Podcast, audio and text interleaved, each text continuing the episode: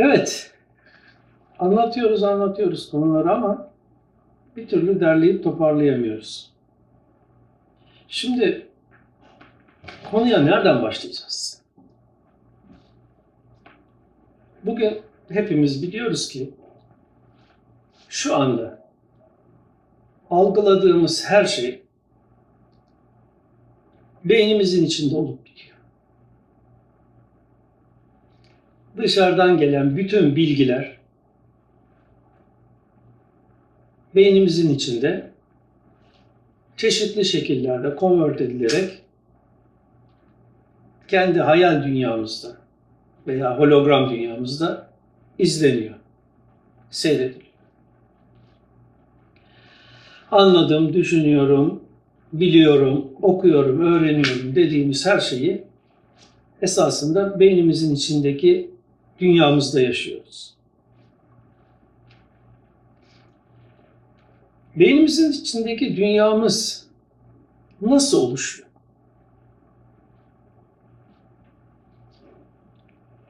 Beynimize ulaşan her şey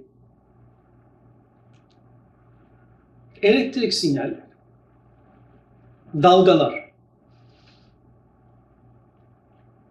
Kah bu dalgalar gözümüz aracılığıyla beynimize ulaşıyor. Kah başka organlar aracılığıyla ulaşıyor. Kah da hiç fark etmediğimiz bir şekilde beynimiz tarafından algılanıyor. Şimdi burada önemli bir nokta var. Gelen bu dalgalar her ne kadar beynin biyolojik yapısı, biyokimyasal yapısı işlevde olarak değerlendiriliyorsa da esasında aynı cins aynı cinse muhatap olur. Realitesi dolayısıyla beynimizin derunu veya hakikati veya orijini olan dalga boyu yapı tarafından değerlendirilmekte olduğunu düşünüyorum. Şimdi e, beyin esas itibariyle daha ana rahminde 25. 29. günde oluşmaya başladığı süreçte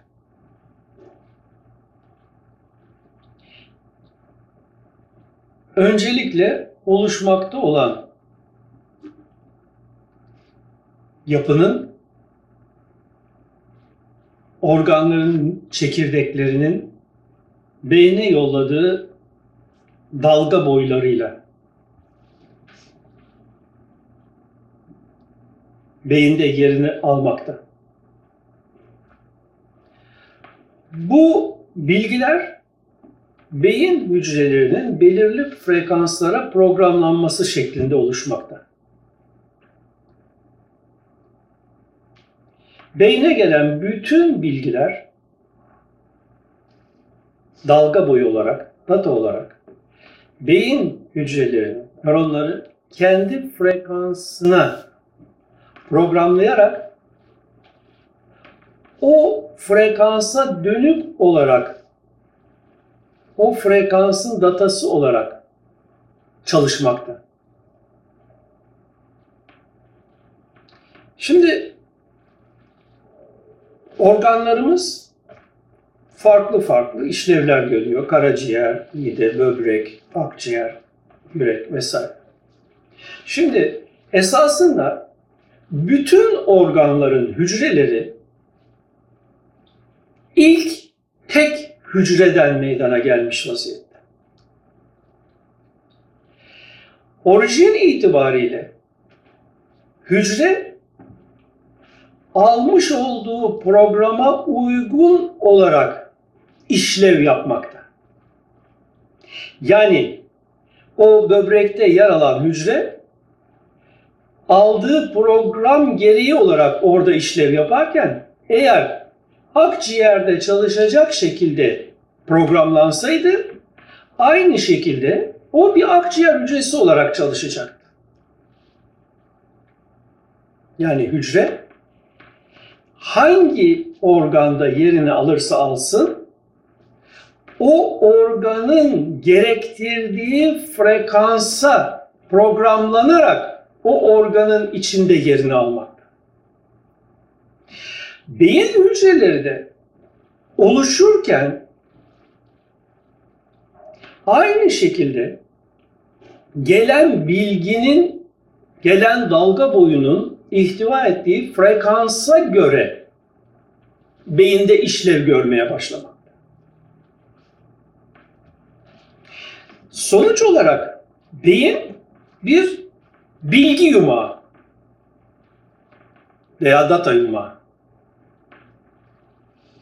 Veya beyin bir başka e, tanımlamamla bir dalga paket. Tabi e, et beyin diye bildiğimiz o et yapıdan söz etmiyorum. Veya nöronik yapıdan, biyoşimik yapıdan da söz etmiyorum. Orijini olan dalga boyu yapı olarak konuşuyorum. Bu eski anlatımda ruh diye isimlendirilmiş, tanımlanmış olan orijini itibariyle dalga boyu yapı olan beyin. Bu beyin evrendeki makro beynin nano boyuttaki yapısı diye tanımlayabilirim belki. Tabii evrenin makro boyutuna göre nano dediğim zaman bile çok büyük bir şey çıkar ortaya ama daha küçük ne diyebilirim bilmiyorum. Çünkü evrenin orijini de esas itibariyle dalga boyu bir evrendir. Evren sonsuz bir dalga skalası ihtiva eder. Evrendeki tüm oluşumların orijini dalga boyu yani bilgi, datadır.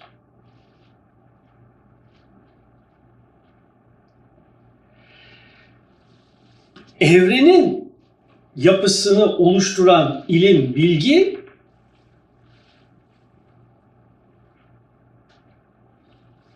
tasavvuf lisanında vücud olarak anlatılmıştır. Buradaki vücut kelimesi D ile yazılır. Beden anlamına gelen vücut T ile yazılan değildir. Tasavvufta vahdeti vücut diye anlatılan şey orijin varlık anlamına gelir. Orijin varlık tektir anlamına olarak vahdeti vücut ifadesi kullanılır.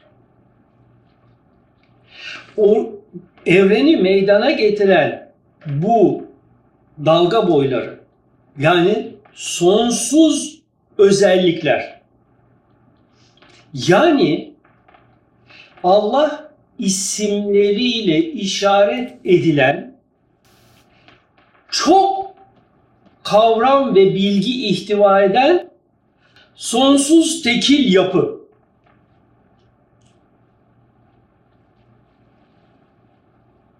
Kainatın orijini. Bu her an yapının değişik titreşimler şeklinde açığa dönüşmesiyle birlikte, açığa çıkmasıyla birlikte sayısız sonsuz farklı hal alır. Yani şendedir. Şimdi e, tasavvufta vahdet-i vücut ve vahdet-i şuhud diye iki önemli anlayıştan söz edilir. Birinci anlayış, vahdet-i vücut anlayışı, bütün bu varlığın orijin tekil bir varlık olduğunu anlatırken bunun bir üst kademe anlayış olan vahdedi şuhud ise bu vücut olarak algılanan varlığın, kainatın özü olan o sonsuz dalga boyunun ihtiva ettiği bilgiler olan yapının esasında kendi içinde yani çeşitli dalga boyu paketlerinin kendi frekansına uygun dalga boylarını çözerek kendi içinde değerlendirmesi anlamına gelen somut olmayan ilimde var olmuş varlık anlatımına işaret eder. Allah ilminde ilmini ilmiyle seyretmiştir diye tasavvufta anlatılan şey gerçekte olup biten her şeyin bizim şu anda algılamakta olduğumuz madde boyutunda değil tamamen varlığın orijini olan data dalga boyu boyutunda o dalga boyu paketlerinin kendi frekansında olan diğer frekansları çözerek yani ilimde ilimle seyredilmesi diye anlatılmıştır.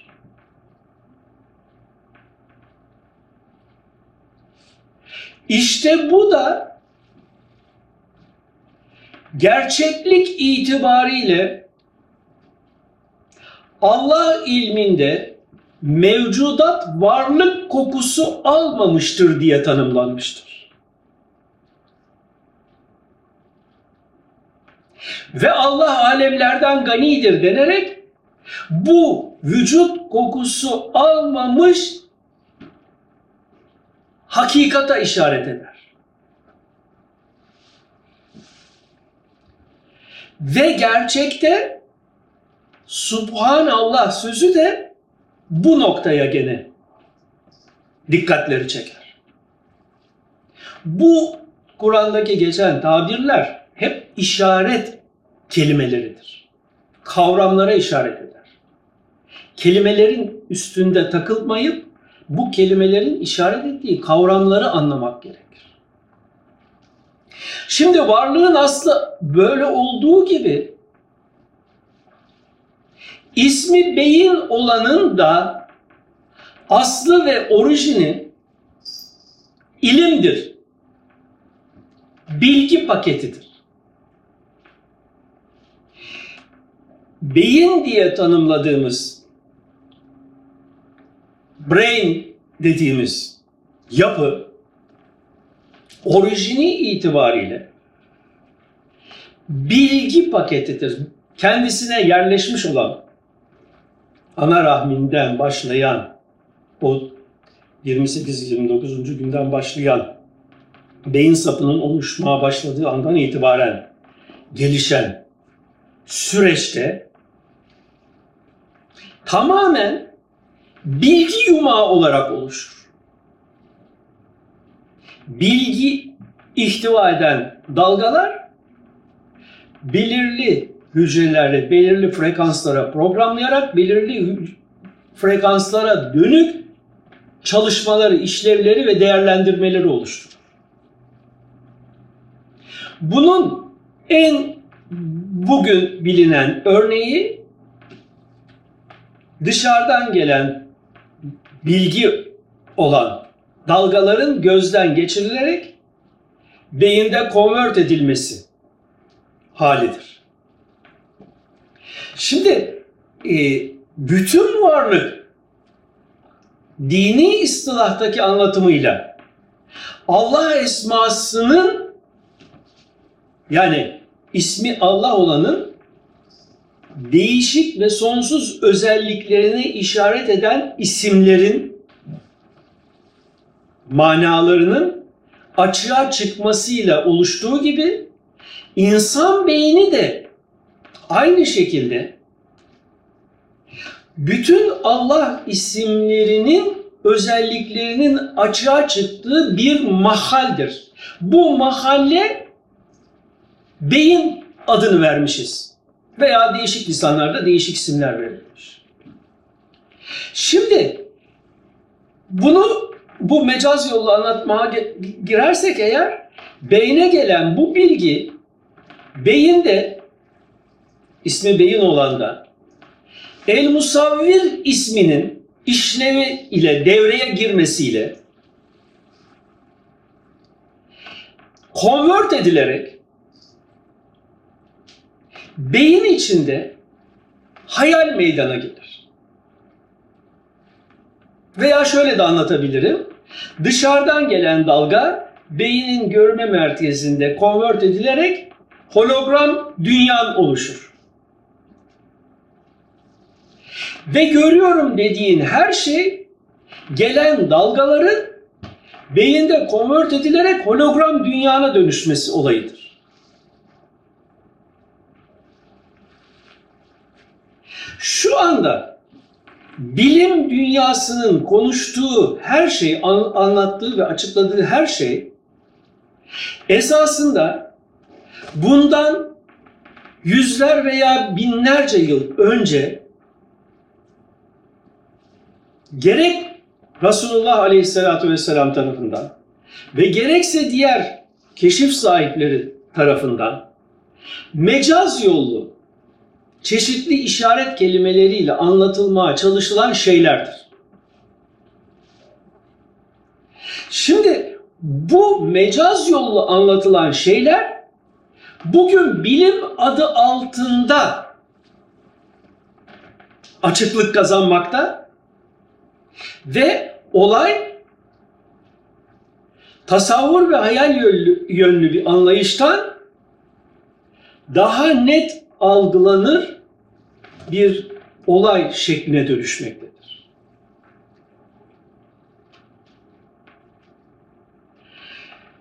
Bizim anlat, anlamakta çok zorluk çektiğimiz bu konuların ana sebebi beynimizin bu mecaz ve işaret yollu anlatımlarla dolu olup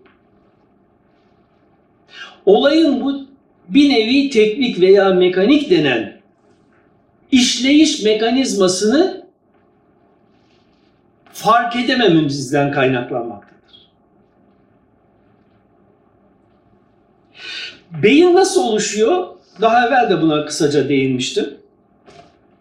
Çocukluktan itibaren, ana rahmindeki süreçten itibaren gelen bilgiler beyinde çeşitli frekanslara yoğunlaşıyor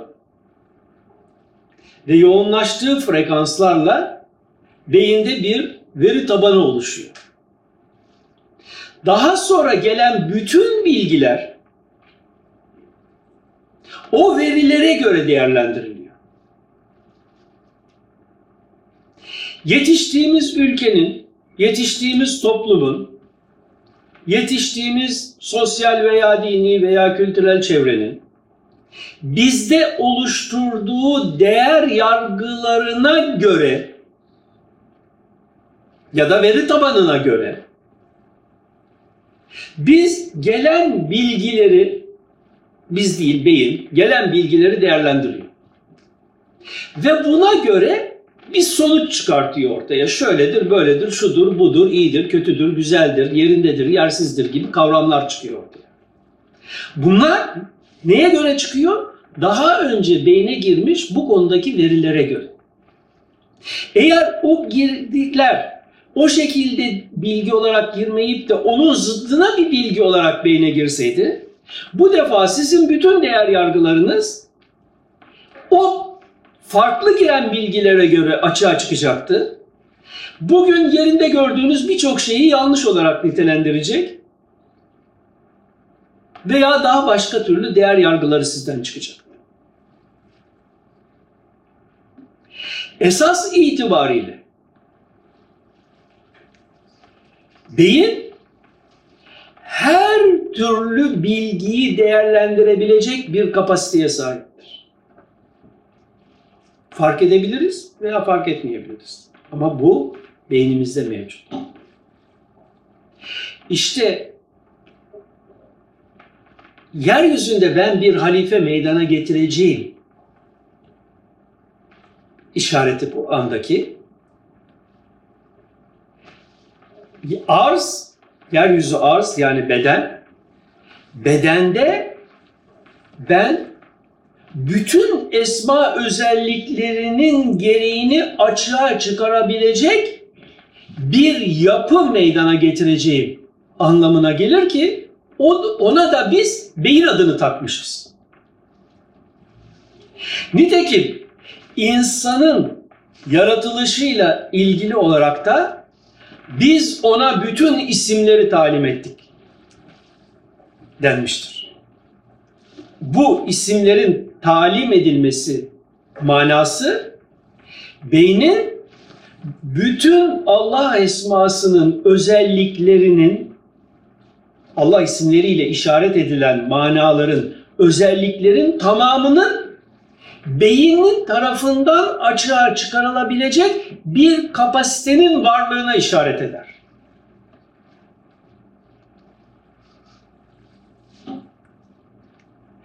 Dolayısıyla beyin adı altında var olan varlık Allah esmasının bir açığa çıkış mahallidir ve o mahal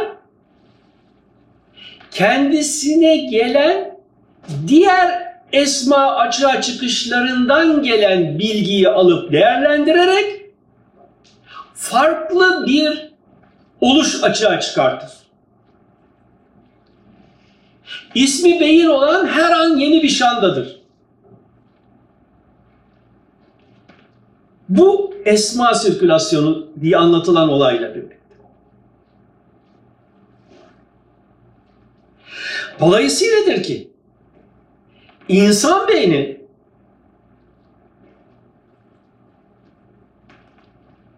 alemi arzda halifedir. Ve gerçekte oluşum hakikati itibariyle beynin cinsiyeti yoktur. Beyinde cinsiyet oluşur, oluşturulur. Neyse burası fazla teferruat oluyor. Buraya girmeyelim. Şimdi beynin bu çalışma sistemini çok iyi anlayalım.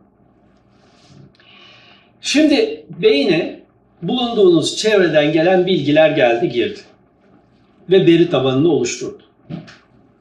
Ve siz buna dayalı olarak bu konu böyledir, şu konu şöyledir, bu değerlidir, bu değersizdir olan gibi bir takım kabulleri yaşamaya başladınız. Ve her an beyne dışarıdan sürekli bilgi giriyor. Dışarıdan derken yani beden dışından, ayrıca bedenden de, bütün organlardan da her an bilgi akıyor. Beyin kendi içindeki yerleşik bilgiye göre bunları değerlendirerek sonuç açığa çıkartıyor. Şimdi bu sonuç açığa çıktıktan yani beyinde işlem tamamlandıktan 6 saniye sonra bugünkü bilimsel tespitlere göre 6 saniye sonra farkındalık alanı meydana geliyor. Farkındalık alanının meydana gelmesiyle birlikte sizden ben şöyle düşünüyorum. Ben şöyle konuşuyorum. Ben şunu yapıyorum. Ben şunu istedim, şuna karar verdim gibi cümleler açığa çıkmaya başlıyor. Fakat sizden böyle bir fikir, karar dilinizden çıkmadan evvel, beyninizde böyle bir karar düşünmeden evvel, 6 saniye evvel beyniniz o konuda ne yapacağının kararını vermiş, sonucu açığa çıkarmış. Olmuş bitmiş. Beyninizde olmuş bitmiş, 6 saniye sonra sizin farkındalık alanınız olarak açığa çıkıyor ve ben şöyle düşünüyorum deme noktasına geliyorsunuz. İşte beyindeki bu çalışma faaliyet gerçek anlamda Allah isimlerinin manalarının, özelliklerinin beyin adı altında çalışması dolayısıyla da Allah istemedikçe siz isteyemezsiniz ayeti ile işaret ediliyor. Yani burayı çok iyi anlayalım. Burası işin çok önemli bir püf noktası. Beyindeki bu işlem diye konuştuğum şey bir diğer anlatımla Allah isimleriyle işaret edilen değişik özelliklerin orada devreye girip açığa çıkmasıyla oluşan işlemler.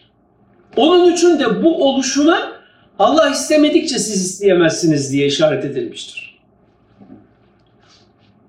Nitekim Kur'an'daki attığın zaman sen atmadın, atan Allah'tı ayeti beyindeki Allah esmasının özelliğinin açığa çıkarak orada o fiilin oluşmasını Allah'ın dilemesi bunun neticesinde bedenden o fiilin açığa çıktığına işaret eder.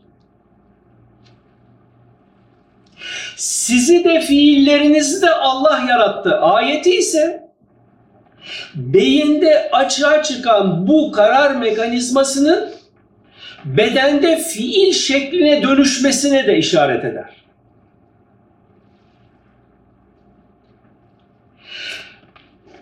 Eskilerin teşbih diye bahsettiği, teşbih ve tenzih diye bahsettiği, tenzih diye bahsettiği Allah bütün konuşulan, işaret edilen kavramlardan münezzehtir, beridir anlayışına karşılık teşbih diye işaret ettiği, edilen de varlığın her noktası ve zerresi onun esmasının açığa çıkışıdır ve varlıkta onun dışında hiçbir şey yoktur.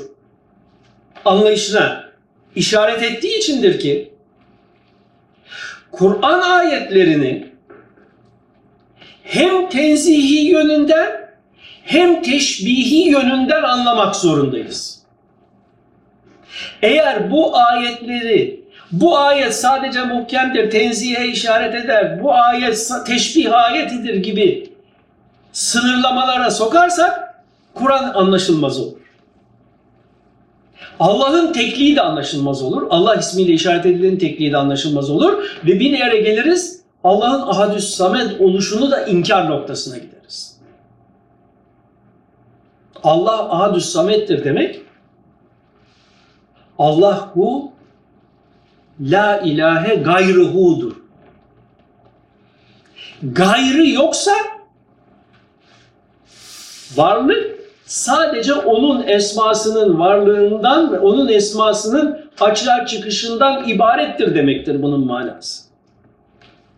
Dolayısıyla bütün beyinler adına beyin ismini taktığımız yapılar tümüyle Allah esmasının açığa çıkışından başka bir şey değil.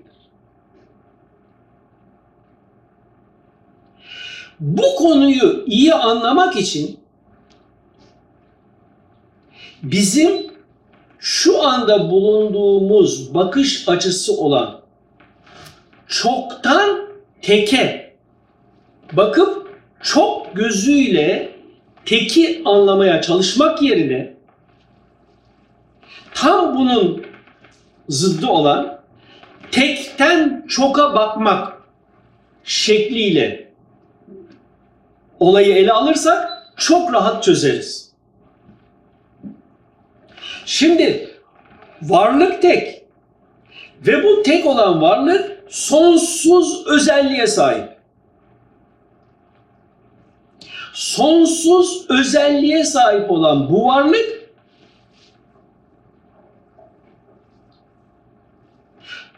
kuantum potansiyeldeki süperpozisyona işaret eder. Yalnız bir fark var. Süperpozisyon dediğimiz zaman biz her türlü olabilirlikten söz ederken her türlü olabilirlik arkasında gerçekte tek bir olabilirliğin planı vardır. Bunu basite indirerek basit bir misalle anlatmaya çalışayım. Şimdi sperm ve yumurta birleşti, tek ilk tek hücre meydana geldi. 23 kromozom geldi spermden, 23 yumurtadan geldi, birleşti. 46 ile belli bir genetik programla varlığı oluşturacak belli bir genetik programla ilk hücre meydana geldi. Şimdi o ilk hücrenin genetik programında oluşacak olan şu bedenin kolu nerede olacak, parmağı nasıl olacak, eli nasıl olacak, gözü nasıl olacak, yanağı nasıl olacak, çenesi nasıl olacak, kulağı nasıl olacak, kalbi nerede yer alacak, ciğeri nerede yer alacak, bütün bunların bilgisi var. O tek hücre. Ve o tek hücredeki bilgiye göre, o programa göre hücreler çoğalmaya başlıyor. Çoğalan hücreler aslında hepsi birbirinin aynı özelliğe sahip kopyası. Fakat iş programlandığı işleve göre değişik bileşimlerle değişik organları ve yapıları meydana getiriyor. O hücrenin her organın özelliğine göre işlev görmesi olayı hücrenin süperpozisyonudur.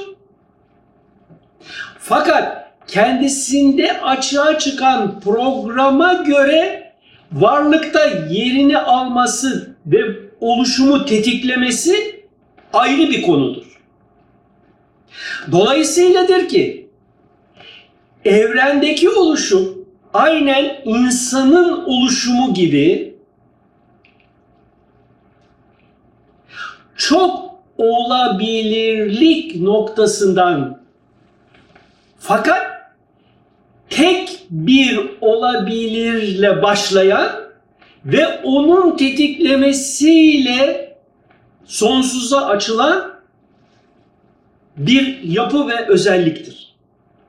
Dolayısıyladır ki insanın bedeninin nerede, ne zaman, nasıl olacağı ilk hücrede belli ise evrende de hangi galaksinin nerede, ne zaman, nasıl oluşacağı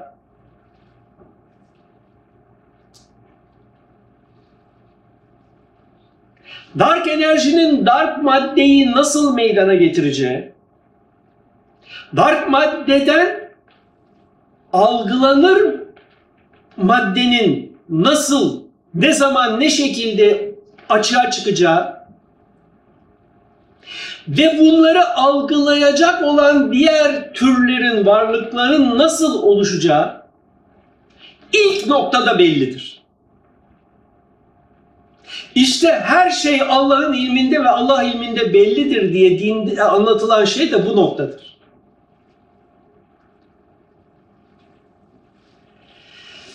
Şimdi eğer burayı anlatabildiysem yani benim lisanım, benim kapasitem bu kadar ancak anlatabiliyor. Bunun daha detayına girersem iyice dağılacağım. İnşallah bak, gerek olursa daha başkasına da gireriz. Şimdi burada önemli olan nokta şurası. Bir kitabımın başında şunu yazmıştım. İnsan gibi düşünen Tanrı anlayışından Allah gibi düşünen insan noktasına. Bu demek değildir ki elbette insan Allah'ın bütünüyle kapasitesine sahiptir. Bu manada değil. Bu şu demektir. İnsan kendi edindiği bilgilere, edindiği şartlanmalara göre, değer yargılarına göre kendi hayalinde bir tanrı oluşturur. Herkesin tanrısı bir diğerinden farklıdır. Bu kendi kafasında kendi algıladığı bilgilere göre oluşturduğu tanrıdır. Oysa Hz. Muhammed'in açıkladığı Allah ki Hz. Muhammed'in açıkladığı Allah isimli yazdığım kitabın esas orijinal ilk baskısındaki adı Hz. Muhammed'in Allah'ıdır. Ben bunu koyduğum zaman e, dediler ki yani Hz. Muhammed'in Allah'ı da bizim Allah'ımız değil mi? Böyle basit değildi buradaki anlatım. Onun açıkladığı Allah ismiyle işaret edilen mana veya kavram veya ne derseniz deyin. O, onu anlamak önemli. Çünkü varlığı oluşturan o ilim ve kudret varlıkta kendisinin ne olduğunu da açıklayıp dillendirenin ta kendisidir.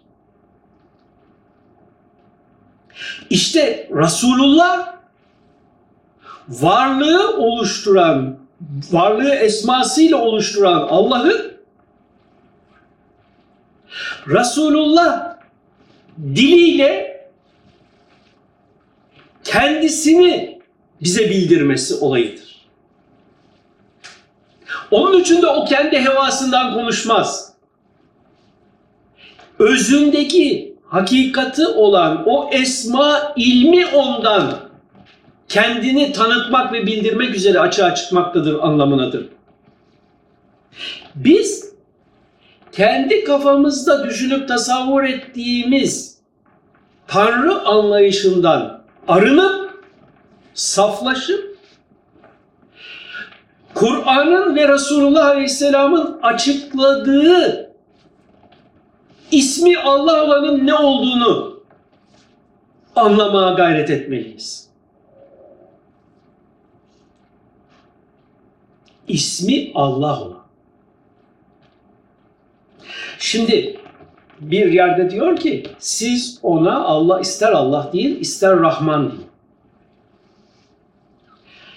Rahman ismi bütün diğer isimlerin özü, orijini, kaynağı veya potansiyelidir.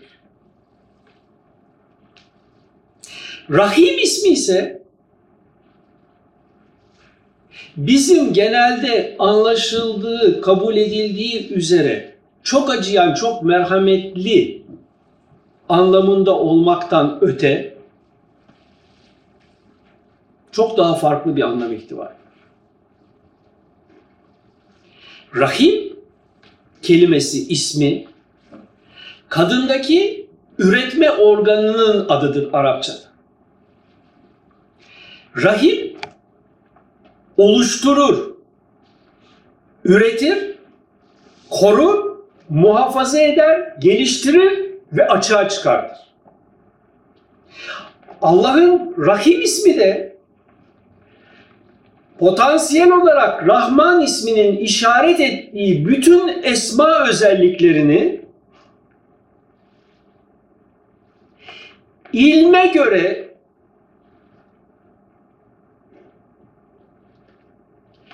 oluşturur, geliştirir ve her an evren adı altında açığa çıkartır. Onun içindir ki işte Kur'an'ın en başında ismi Allah olan Rahman Rahim'dir denmiştir.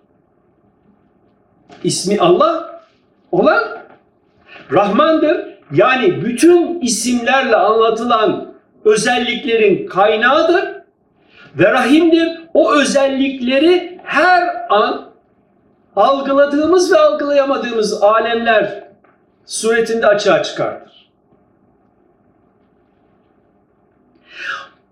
Bu olay büyük boyutlarıyla bütün evrenin oluşumunda meydana geldiği gibi aynı şekilde çok minik nano boyutlarıyla veya çok daha ufağıyla beyinde de aynı şekilde açığa çıkar. İsmi beyin olanda da açığa çıkar. Orada da her an El Bari, El Halik, El Musavvir gibi bütün isimlerin özellikleri aynı anda açığa çıkar Beyinde. İşte onun üçündür ki alnında çekip götürürüz ayeti vardır Kur'an'da.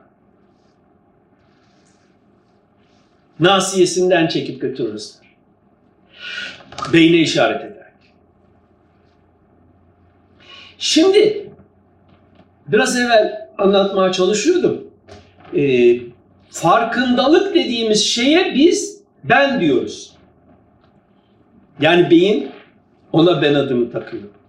Daha doğrusu beyne genetik yollu ben bilgisi de girdiği içindir ki beyin bütün bu yaptığı işlemleri ben ekini takısını takarak farkındalık alanında açığa çıkartıyor ve biz bu açığa çıkana bilinç adını veriyoruz. Gelen bilgi beyne ulaşıyor. Gelen bu input beyinde proses ediliyor. Proses edilen proses olayı felsefede akıl diye anlatılmıştır. Prefrontal korteksin dışarıdan gelen bu bilgiyi mevcut bilgilere bağlayarak proses etmesi akıl dediğimiz ukulden gelen bir şeyi bir şeye bağlayarak sonuç çıkarma anlamına kullanılan akıl diye anlatılan olayın kendisidir. Prefront, sol prefrontal korteksin bu işleminin yanı sıra beyinde olayları çok daha kısa süreli çözüp neticeye götürmek isteyen amigdala da vardır. Amigdalanın bu faaliyeti de zeka kavramında kavramıyla anlatılabilir. Neyse bu kadar fazla detaya şu anda girmenin gereği yok. Burada önemli olan şey şu. Ben dediğimiz şey esasında yaratılmış bir varlıktır. Yani yoktan var olmuş bir varlıktır. Aslı yoktur. Her an yaratılır o. Ben dediğiniz şey Allah tarafından her an yaratılır. Allah tarafından her an yaratılması ne demektir beynin? Şeyin insanın beyin her an gelen bilgiyi alır, işler, bir sonuç ortaya çıkartır. Bu çıkan açı, çıkan sonucu sonuç farkındalık alanında bilinç olarak ortaya çıkar ve ortaya çıkan bu şeyi ben yaptım gibi değerlendiririz. İşte bu ben yaptım noktası o ben kelimesinin de eklenmiş bilgi itibariyle yaratılmış, beyin tarafından yaratılmış bir varlıktır. Beyin dediğimiz şey esasın itibariyle Allah isma özelliklerinin işlev alanı olduğuna göre ben her an Allah tarafından yaratılan bir varlıktır. Aslı yoktur, yoktan var olur ve yoka döner. Çünkü o açığa çıktığı anın akabinde beyinde aynı anda yeni bir işlem meydana gelir. Yeni bir işlem sonucu yeni bir output çıkar, yeni bir ben yaratılır. Bu o kadar akıl almayacak kadar hızlı bir şekilde oluşur ki ben devamlı yaşadığımı zannederim. Halbuki ben her an yoktan var oluyorum. Benim her anki yoktan varoluşum bir evvelki anın El Hasib ismiyle işaret edilen manada değerlendirilerek çünkü beyin seriül hesaptır. Beyin dediğim şey Allah esma paketidir. Seriül hesaptır. Dolayısıyla anında olayı sonuçlandırır ve o sonuçlanan olayın sonrası çıkar. Şimdi böylesine bu sistem devam ederken akıllara şu soru gelecektir. Peki ben varım ya her ne kadar yok diyorsan da ben varım ya. Ben niye namaz kılayım, niye dua edeyim, niye ibadet edeyim? Şimdi sen isteyerek, sen senliğinle isteyerek dua da edemezsin, ibadet de edemezsin, namaz da kılamazsın, hiçbir şey yapamazsın. Buradaki işleyen mekanizma şudur. Eğer beyin veri tabanındaki bilgi müsaitse dışarıdan gelen bir bilgi orada değerlendirilir ve bu değerlendirilmeye göre ne yapılacağına, ne yapılması gerektiğine, bir sonraki aşamanın ne olacağına karar verir.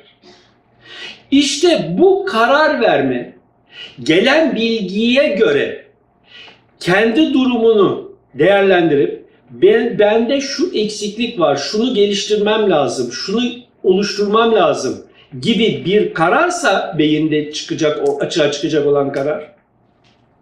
O zaman otomatikman beyinden ben şu şekilde talepte bulunmam, dua etmem gerekir noktası çıkar. Bu karar çıktıktan sonra sende ben dua edeyim istek ve arzusu oluşur. Veya tesbih çekeyim veya dua edeyim veya Kur'an okuyayım veya kendime yöneleyim, kendi hakikatimi bulayım, Allah'ı bilip anlayayım gibi bir istek oluşur. Bu istek beyindeki bu prosesin sonucu olan olaydır. Ama burada gene dediğim gibi beyin kelimesinde takılmayın. Beyin kelimesiyle işaret edilen şey bütün o Allah isimlerinin özellikle orada bir esma paketi olarak varlığının sonucudur. Dolayısıyladır ki eğer bir kişinin beyninde böyle bir açılım olmuşsa o kendi hakikatini tanıma, araştırma, sorgulama arzusu meydana gelir. Kendi ediniminin sonucudur. Kendi edinimi derken yani o beynin o güne kadar gelen bilgileri değerlendirmesinin sonucu olarak o durum onda açığa çıkar.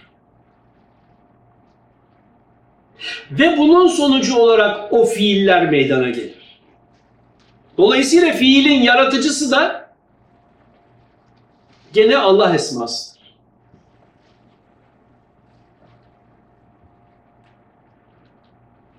Evet, burada bir ara verelim.